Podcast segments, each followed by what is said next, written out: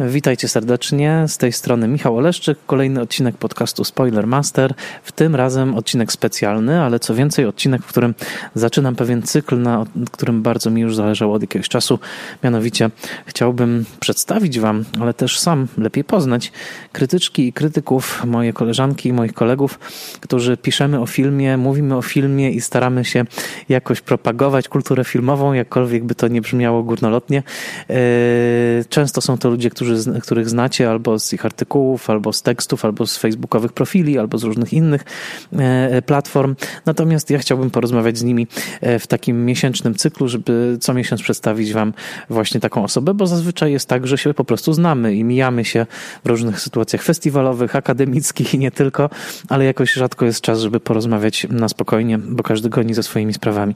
E, pierwszą osobą w tym cyklu, osobą, którą bardzo cenię i bardzo lubię, a te dwie rzeczy nie zawsze się ze sobą spotykają, I tym razem tak. Jest e, Diana Dąbrowska, którą witam bardzo serdecznie. Bardzo Ci dziękuję za to wprowadzenie. E, witam.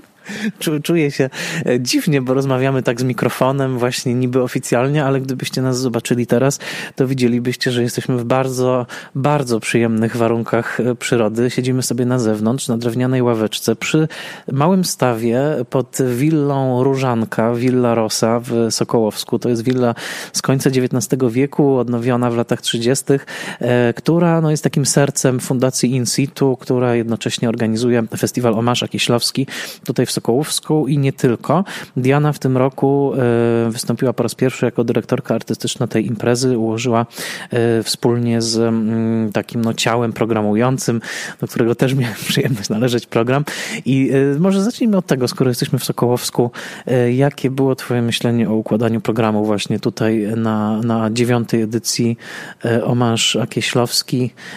Jeżeli chcecie, to wygooglujcie sobie, żeby słuchać, jak Diana będzie mówić, to patrzcie też sobie na obrazki z Sokołowska, to zrozumiecie dokładnie w jakim otoczeniu mówimy, bo jesteśmy po prostu w pięknych, e, e, górzystych terenach Dolnego Śląska, jest, jest trochę bajkowo. Mhm. No, z, tym, z tym Sokołowskiem to, to też było tak, że dzięki Tobie się tutaj znalazłam i chciałabym to bardzo wyraźnie podkreślić i bardzo Ci podziękować. I też sytuacja wyglądała tak, że ta idea przewodnia, współpraca, ona nabrała takiego charakteru roboczego, e, jeśli mogę tak to nazwać, bo naprawdę była niezbędna, żeby to powstało, żeby ten festiwal jakoś zadziałał na mapie różnych wydarzeń kulturalnych. Także e, ta współpraca tutaj z różnymi osobami, z różnymi instytucjami gdzieś tam cały czas była w tle. I też byłam w takiej sytuacji, w której już zostały pewne próby budowania programu, one zostały już poczynione i ja w tym wszystkim chciałam znaleźć jakiś taki porządek. E, także inspirując się czerwonym i taką jakąś ideą, którą w czerwonym wydaje mi się, że ona jest wciąż aktualna i to jest też powtarzane też przez pana Krzysztofa Piesiewicza, tego otwierania się na drugiego człowieka, e, wychodzenia, jakaś taka próba wychodzenia z takich indywidualistycznych klatek egoistycznych. Pomyślałam, żeby spróbować pójść tym kierunkiem i tą współpracę też uczynić jakoś tak tematycznie to wszystko powiązać, czyli nie tylko współpraca z Czechami, bo przyjechali, ale też współpraca niezbędna do tego, żeby chociażby, e, przepraszam, stres, ale mieliśmy na przykład odcinek e, telewizyjny o aksamitnej rewolucji, także ta współpraca i solidarność płynąca z tego pasowała w tematyce różnych, różnych filmów. Także to, to było narzucone trochę post, tutaj muszę uczciwie powiedzieć, ale mam nadzieję, że, że zadziałało. E, na pewno zadziałało. Ja sam tutaj byłem na paru pokazach, ja się tutaj opiekuję sekcją dokumentalną. Były bardzo e, dobre reakcje widzów, ciekawe pytania.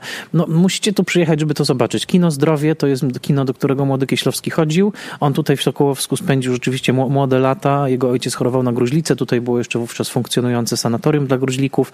Notabene, którego ruiny obecnie są pięknie odnawiane krok po kroku. To jeszcze długi proces, ale y, także w tym kinie y, jest, dzia, działa ten festiwal festiwal i, i naprawdę atmosfera jest bardzo przytulna. To, to nie jest wielkie miejsce, to nie jest wielki festiwal, to jest festiwal kameralny, ale przyjeżdża tutaj dużo przyjaciół Kieślowskiego, osób, które z nim pracowały, więc tak, to, to wszystko się tutaj rzeczywiście odbija i bardzo trzymam kciuki za kolejne edycje. Też mam nadzieję tutaj dokładać tą swoją cegiełkę.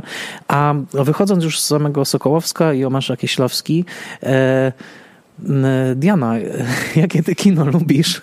W ogóle skąd to się wzięło, że, że lubisz kino? Jak, jak, jak to jest? E, I, I jak, może, może tak, jak kiedy oglądasz filmy? Bo tak cały czas biegamy, spotykamy się na tych festiwalach, jesteśmy zabiegani, uch, e, do ucha przyklejony telefon. Kiedy masz czas, żeby tak po prostu sobie coś zobaczyć na spokojnie? Kurczę.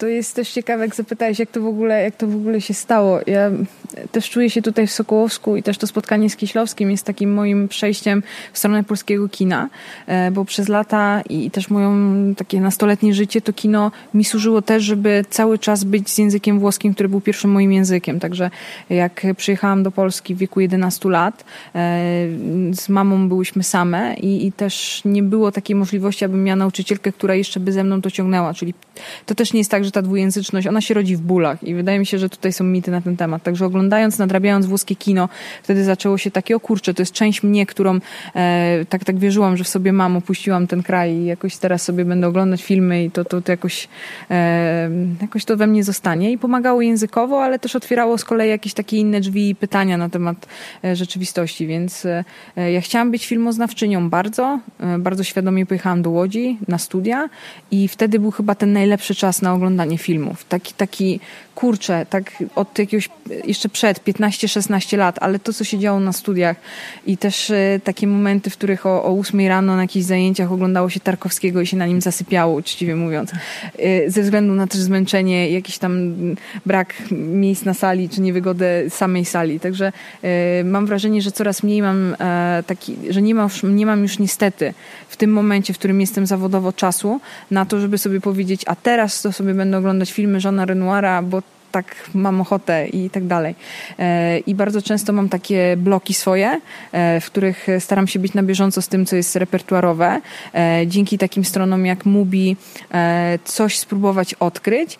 Mam ogromne braki w serialach i powiem ci coś, czego chyba o mnie mało osób wie. Jakoś ja kocham Bollywood i jak ja przynajmniej raz w miesiącu nie zobaczę dwóch filmów, to jestem smutna. To jest po prostu wow, mój powrót do tego, żeby tak sobie się zamknąć w domu. Jest Shahrukh Khan, jest inna gwiazda i ja jestem wtedy przeszczęśliwa, bo mam taki swój moment oczyszczający, żeby zmierzyć się z czymś, co jest w ogóle poza tym porządkiem polskiego kina, tego, takiej gonitwy za tym repertuarem, o czym napisać, czy zdążysz tu i tak dalej.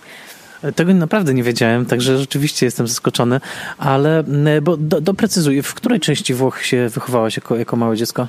Na południu, koło Neapolu i też w samym Neapolu jak troszkę krążyliśmy e, rodzinnie e, i też e, no nie, nie będę ukrywać, to znaczy to nie jest tak, że mój tata puszczał mi Feliniego, ja się urodziłam z jakimś w domu, w którym e, ta sztuka filmowa, to mam wrażenie, że te lata 90., kiedy ja się wychowywałam we Włoszech, to już ten moment był, kiedy Berlusconi bardzo mocno z telewizji i też politycznie przebijał się też do kina. Nastąpiło bardzo silne dofinansowywanie kina e, z telewizją powiązane. To już się zaczynało pod koniec lat, lat 80., więc już i ci mistrzowie też odchodzili, także ja zostałam tak wychowana na telewizji Berlusconiego. I potem właśnie to było to ciekawe odbicie, kiedy tak coś próbowałam, a złodzieje rowerów, spróbujmy. I to było tak, o, coś poznajemy i, i to kino pomagało mi e, z językiem i pomagało mi też właśnie zachować jakąś taką cząstkę czegoś, co wierzyłam, że jest moją taką Arkadią, czyli te Włochy nikt mi nie odbierze. I to paradoksalnie stało się jakby na dłuższą metę sposobem na życie, e, sposobem też na e, odnajdywanie siebie w Polsce, promując kulturę włoską i to jest coś, co mam wrażenie już mi zostało przypisane, ale ja się z tego cieszę, pragnę to podkreślić, że to jest taka moja szuflada, ale właśnie fajnie by było było już teraz troszkę to, to zmienić. I ten Kieślowski tutaj bardzo du dużo mi daje możliwości, żeby, żeby też e, ze swojej perspektywy, która mam wrażenie, że jest outsiderska, jakoś teraz polskim kinem może lepiej się zająć. Mhm. Czyli kiedy ja pamiętam, że dla mnie takim nowym kinem włoskim, kiedy ja wchodziłem w ogóle w świat kina, no to nie wiem, był powiedzmy e, to, co było najbardziej popularne i to, co w ogóle było w Polsce, tak, bo mało kina włoskiego wchodziło w latach 90. do nas na ekrany. No nie wiem, kiedy Roberto Benini, rozumiem, odbierał Oscara za La Vita e Bella, to ty jeszcze byłaś we Włoszech, czy już byłaś w Polsce? Ja, ja, byłam, ja byłam we Włoszech, mało tego, jeśli teraz byście wygooglowali sobie, czy po czym teraz, mm, po, po rozmowie, może lepiej, e, tę słynną mowę, kiedy wychodzi Sofia Loren, jak bardzo, bardziej ostentacyjnie nie można. Już wiadomo było, że Roberto Benini tego Oscara dostanie, oprócz tego, że on wchodzi na krzesła i tam o mało co nie zmiażdżył głowy Stevena Spielberga. Ona jak się cieszy, to mówi coś, coś w stylu Roberto i z tego powstał nawet remix, który był, jakoś ja pamiętam takie jakieś domówki, to to leciało takie pu, pu, pum, Roberto i z tego było, gdyby wtedy komórki były bardziej ten, to był dzwonek byłby. To była taka radość, bo też tego kina aż tak e, no, potem się dowiedziałam, że był ktoś tak jak Nanni Moretti, który gdzieś tam e, wrażliwością i też takim politycznym zacięciem e, też tej innej zupełnie lewicy we Włoszech i też tego świata. Ja to odkryłam dopiero później. Ale te lata 90. to jest tak, to była jedna z gorszych dekad. Tak, to, są, to jest dekada mroku. Zresztą Ani Di Bujo tak, tak to, to jest określane. No i ten Benin jest tym, tym, tym punktem i też troszkę wcześniej Cinema Paradiso, czyli były tylko takie, takie momenty, I, ale jak się analizuje, to też można się dokopać. Napol się wtedy na przykład świetnie rozwijał. To jest coś, co wydaje mi się, że w Polsce jest do odkrycia. Rozwijała się szkoła napolitańska, który, z której wychodzi jako wtedy młody chłopak, który właściwie przy tych braku budżetów coś próbował robić, kombinować, jakoś, nie wiem, kogoś autem podwoził Paulo Sorrentino. Toni Servillo wychodzi z tych filmów lat 90., czyli dzieje się coś takiego, co jest właściwie teraz bardzo mocno przez włoskie kino wykorzystywane i to się wiąże też z praktyką e, tych funduszy regionalnych. Oni te komisje filmowe zaczęli w tych regionach instalować w latach 90. już, że nie Rzym, nie wielkie miasta, tylko nastąpił w kinematografii włoskiej ten zwrot do ku lokalności. I ten Neapol się wybił jako jeden z pierwszych i najciekawszych. Nie tylko pod kątem mafijnym. Jednym z najciekawszych filmów tego okresu to jest adaptacja książki Eleny Ferrante. Tak, mm. Elena Ferrante teraz, serial i ten, ale już wtedy było to L'amore buio się nazywa, e, przepraszam, L'amore molesto, ciężka miłość, to zostało przetłumaczone, także to można sobie mm. sprawdzić. Maria, mm. Maria Martone. Zazwyczaj jak się mówi o złotej erze kina, to zwłaszcza kinomani starszego pokolenia wymieniają automatycznie dwa nazwiska, czyli Fellini i Antonioni i zazwyczaj też mówią w, w, o tym w takim kontekście, no takich filmów już się nie robi, ale jeżeli ktoś nawet zacznie trochę troszeczkę bliżej się przyglądać kinu włoskiemu. E, ty zredagowałaś książkę o kinie włoskim, więc jeszcze masz głębszą tą wiedzę, ale natychmiast odkrywa się bardzo dużo innych nazwisk. To było niebywale, rzeczywiście, zwłaszcza w latach 50., potem 60., 70., niebywale e, różnorodne kino. Gdybyś miała polecić słuchaczom e, dwa nazwiska całkowicie nieoczywiste, czyli nie Fellini i Antonioni, tylko dwa nazwiska, które warto zgłębić, a być może do tej pory nawet słuchacze o nich nie słyszeli. Dobra, tutaj mnie zaskoczyłeś. Yy, tym pierwszym nazwiskiem, teraz tak jak sobie szybko patrzę, yy, jedno będzie mniej.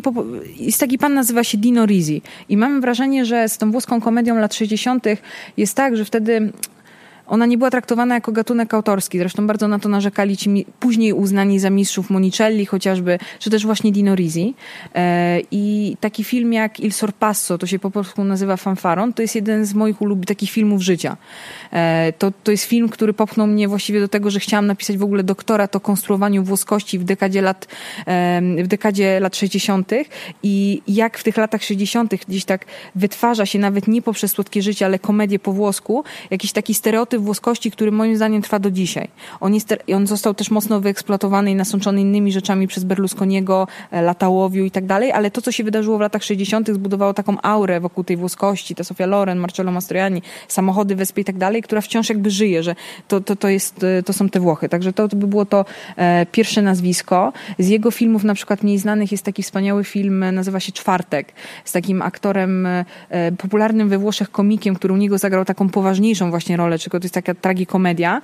E, on się nazywa Walter Chiari i gdybyście Państwo zestawili ten film z Złodziejami Rowerów, to moim zdaniem to jest reinterpretacja Dino Riziego, e, takiej relacji ojca z synem i dziecka, które widzi poniżenie ojca, tylko w nowych czasach właśnie tego boomu ekonomicznego. Hmm.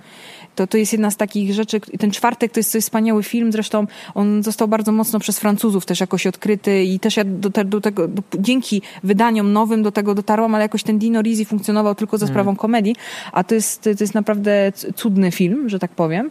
A tym drugim nazwiskiem, i to naprawdę gorąco polecam, to jest pan, który się nazywa e, Antonio Pietrangeli i film z jego dorobku to jest Znałem ją dobrze ze Stefanią Sandrelli. To jest być może najbardziej nowofalowy film, jaki powstał w latach 65.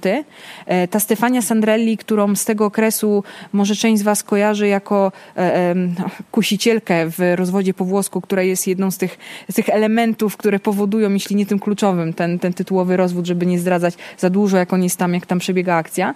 Ale ta jej kreacja, e, ten klimat tego filmu, też jakaś taka, niektórzy nazywają to włoscy specjaliści, że to jest takie słodkie życie, ale z perspektywy bohaterki, czyli te, te, te rozterki Marcella Mastraniego w tym świecie spektaklu, tego spektaklu, który staje się takim modus vivendi i klatką właściwie, jak to jest młodej dziewczyny, która chce zostać aktorką, chce żyć w tym świecie i, i to jest podzielone też na bardzo ciekawe takie epizody, ta narracja jest taka eliptyczna, to jest przepiękny, przepiękny film.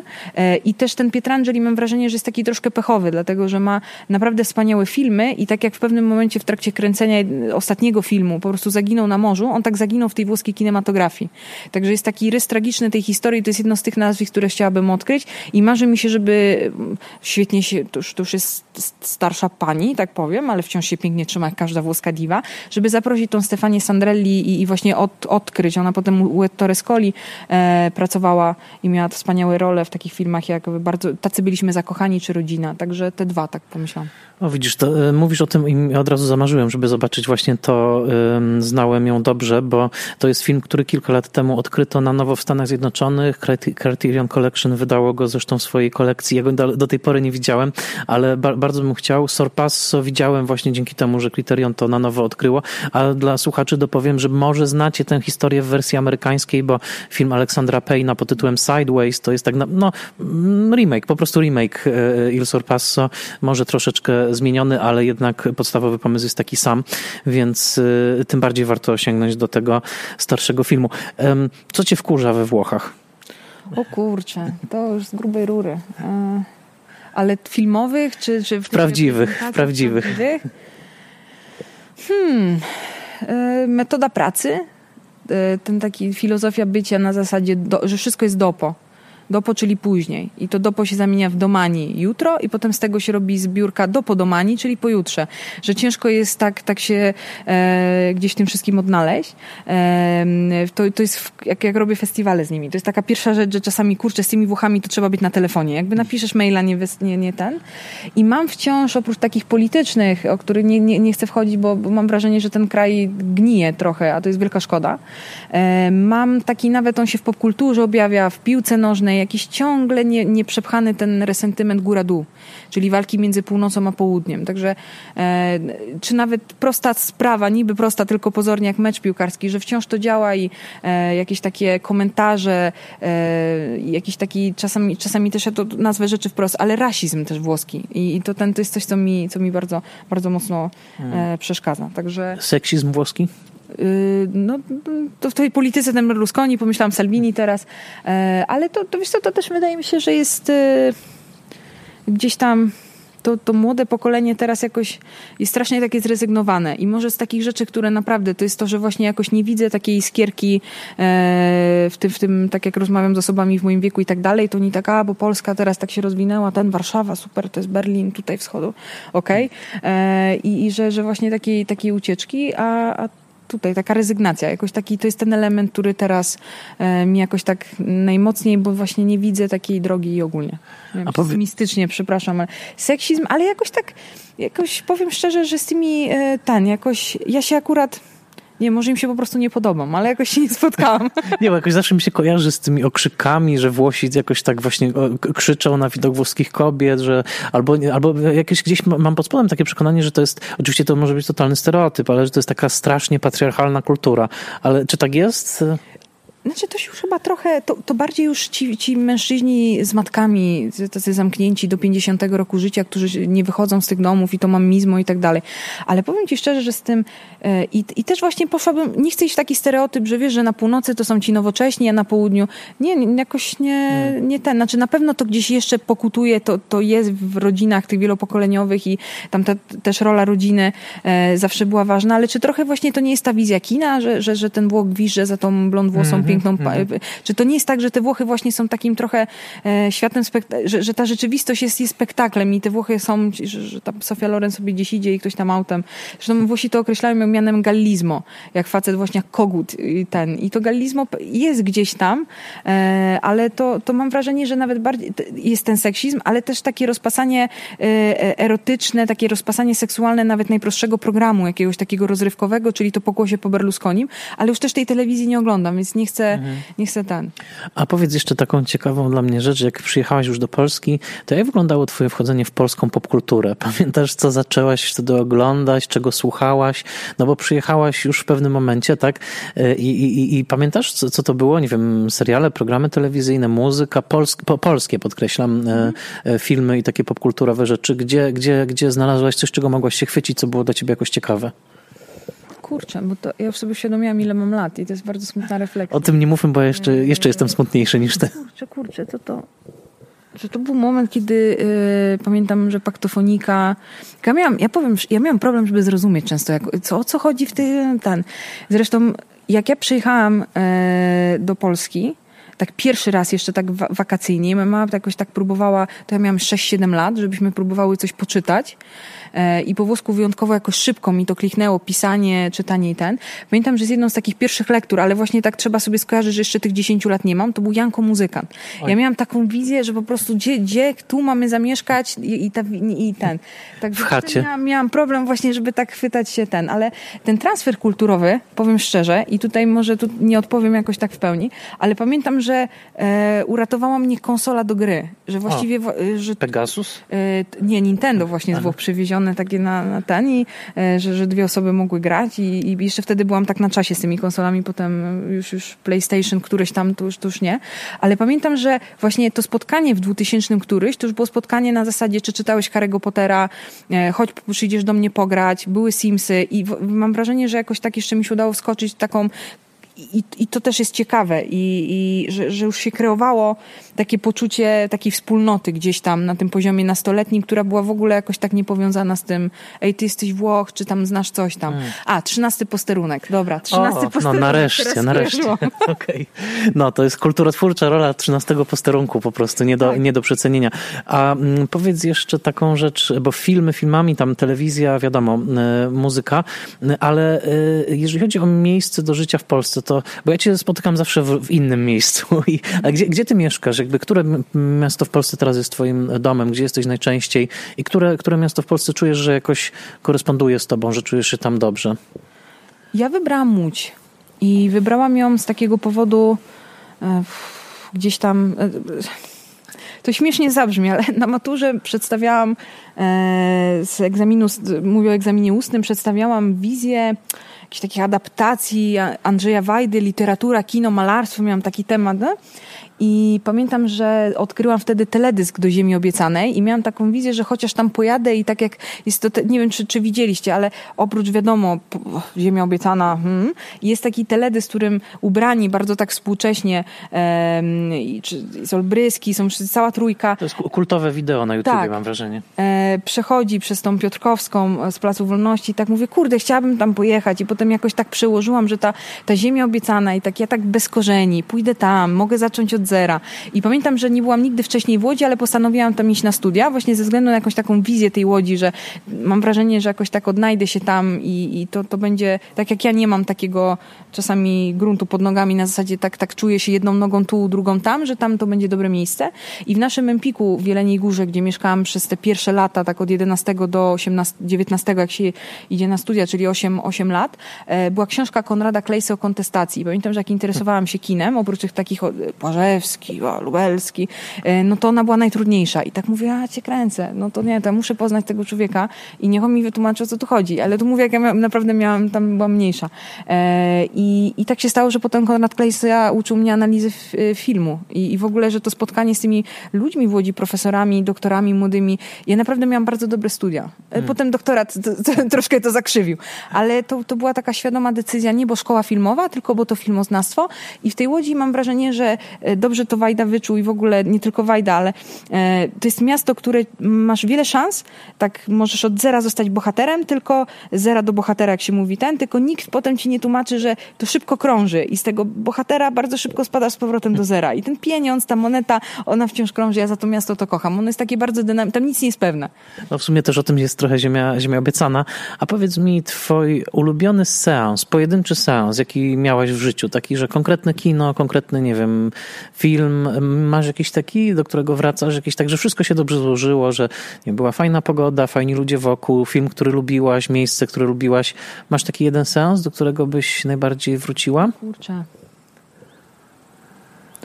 Ale widzisz, to a musi być kinowy, bo pamiętam jakim takim przełomem było, jak kupiłyśmy z mamą DVD pierwsze Aha. i w gazecie jakoś tak mówię, podobał mi się plakat Ameli. Nie wiedziałam w ogóle tak ten 2002, ja naprawdę tam miałam z 13-14 lat, teraz może arytmetyka trochę ten.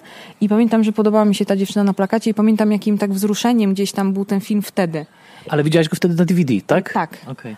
I, I że to był taki film, że, że wtedy się tak złożyło z tym tani. To był pierwszy film na tym DVD tak, i potem tak, się stało tak, tak że e, Tamelia z taką wizją, oczywiście teraz różnie ocenianą, ale gdzieś była, byłam zauroczona w tym, że, że tak, że, że ostatecznie ta, ta miła dziewczyna Niesamowite jest to, że zbliżamy się do 20. rocznicy Ameli, bo to jest film z 20, nie, z 2001. Tak.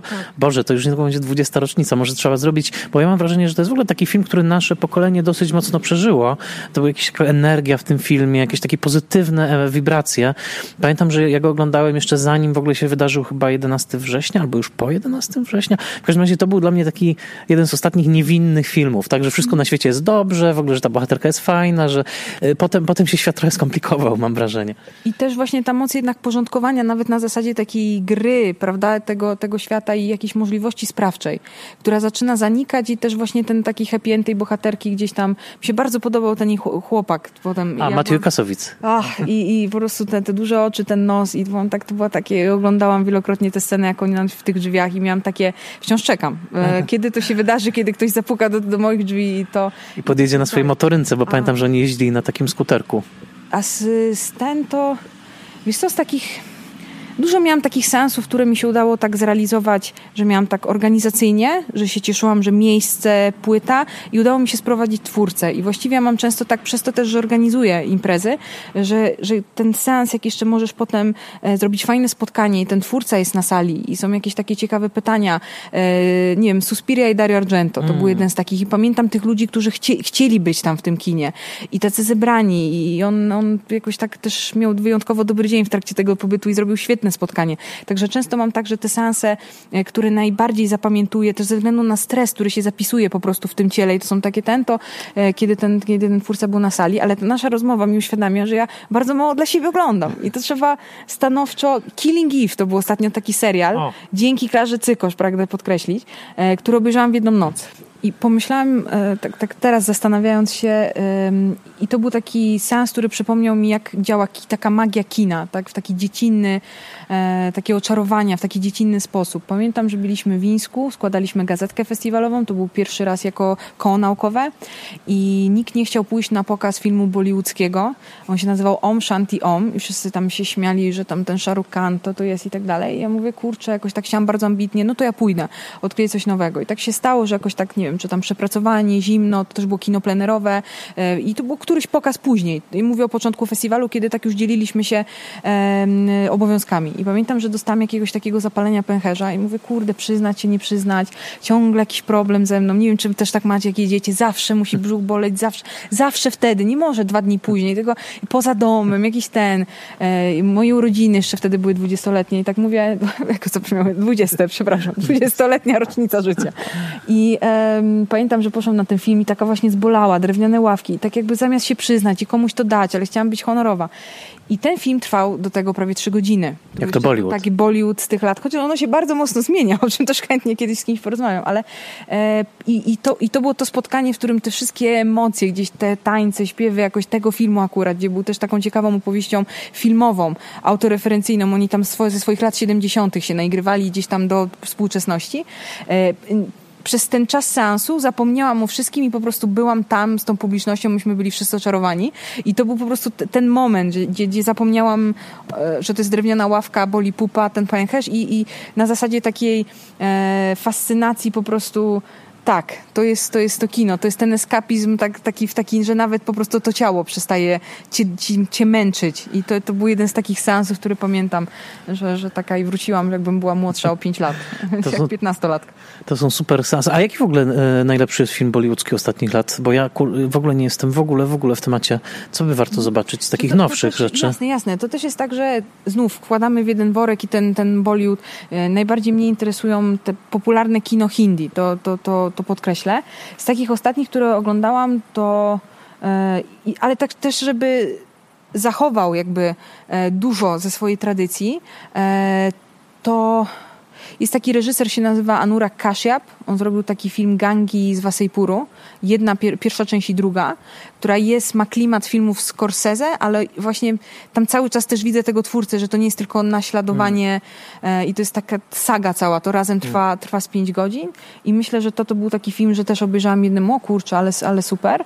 E, a z takich, żeby były tańce, śpiewy i tak, tak te upraszczam teraz oczywiście, ale z takich, których widziałam teraz... E, e o, o, to był taki thriller właściwie, ale się nazywał, on jest na Netflixie, jeśli ten Adan, Adan Dun e, o pianiście, e, o niewidomym pianiście. I teraz co z tego wychodzi, jaką intrygę on zostaje, e, też, hmm. też oglądałam z bardzo takim, o, hmm, to brzmi prawie jak Ikar, historia Mietka Kosza, która zaraz będzie w Gdyni, ale w Gdyni porozmawiamy pewnie oddzielnie. Natomiast słuchaj, a seans jakiś taki nieprzyjemny, traumatyczny, jakiś taki film, który ci nabił siniaka, że tak powiem, że czułeś, że to może jeszcze nie ten moment, żeby go oglądać. Myślę, że każdy, ma, każdy z nas ma takie, takie seansy. Pamiętasz, co to u ciebie było? To też jak zaczęłam interesować się kinem, no to są te filmy, nazwijmy to zakazane, czyli chciałam sobie zobaczyć na pewno ostatnie tango w Paryżu, chciałam zobaczyć Nieodwracalne.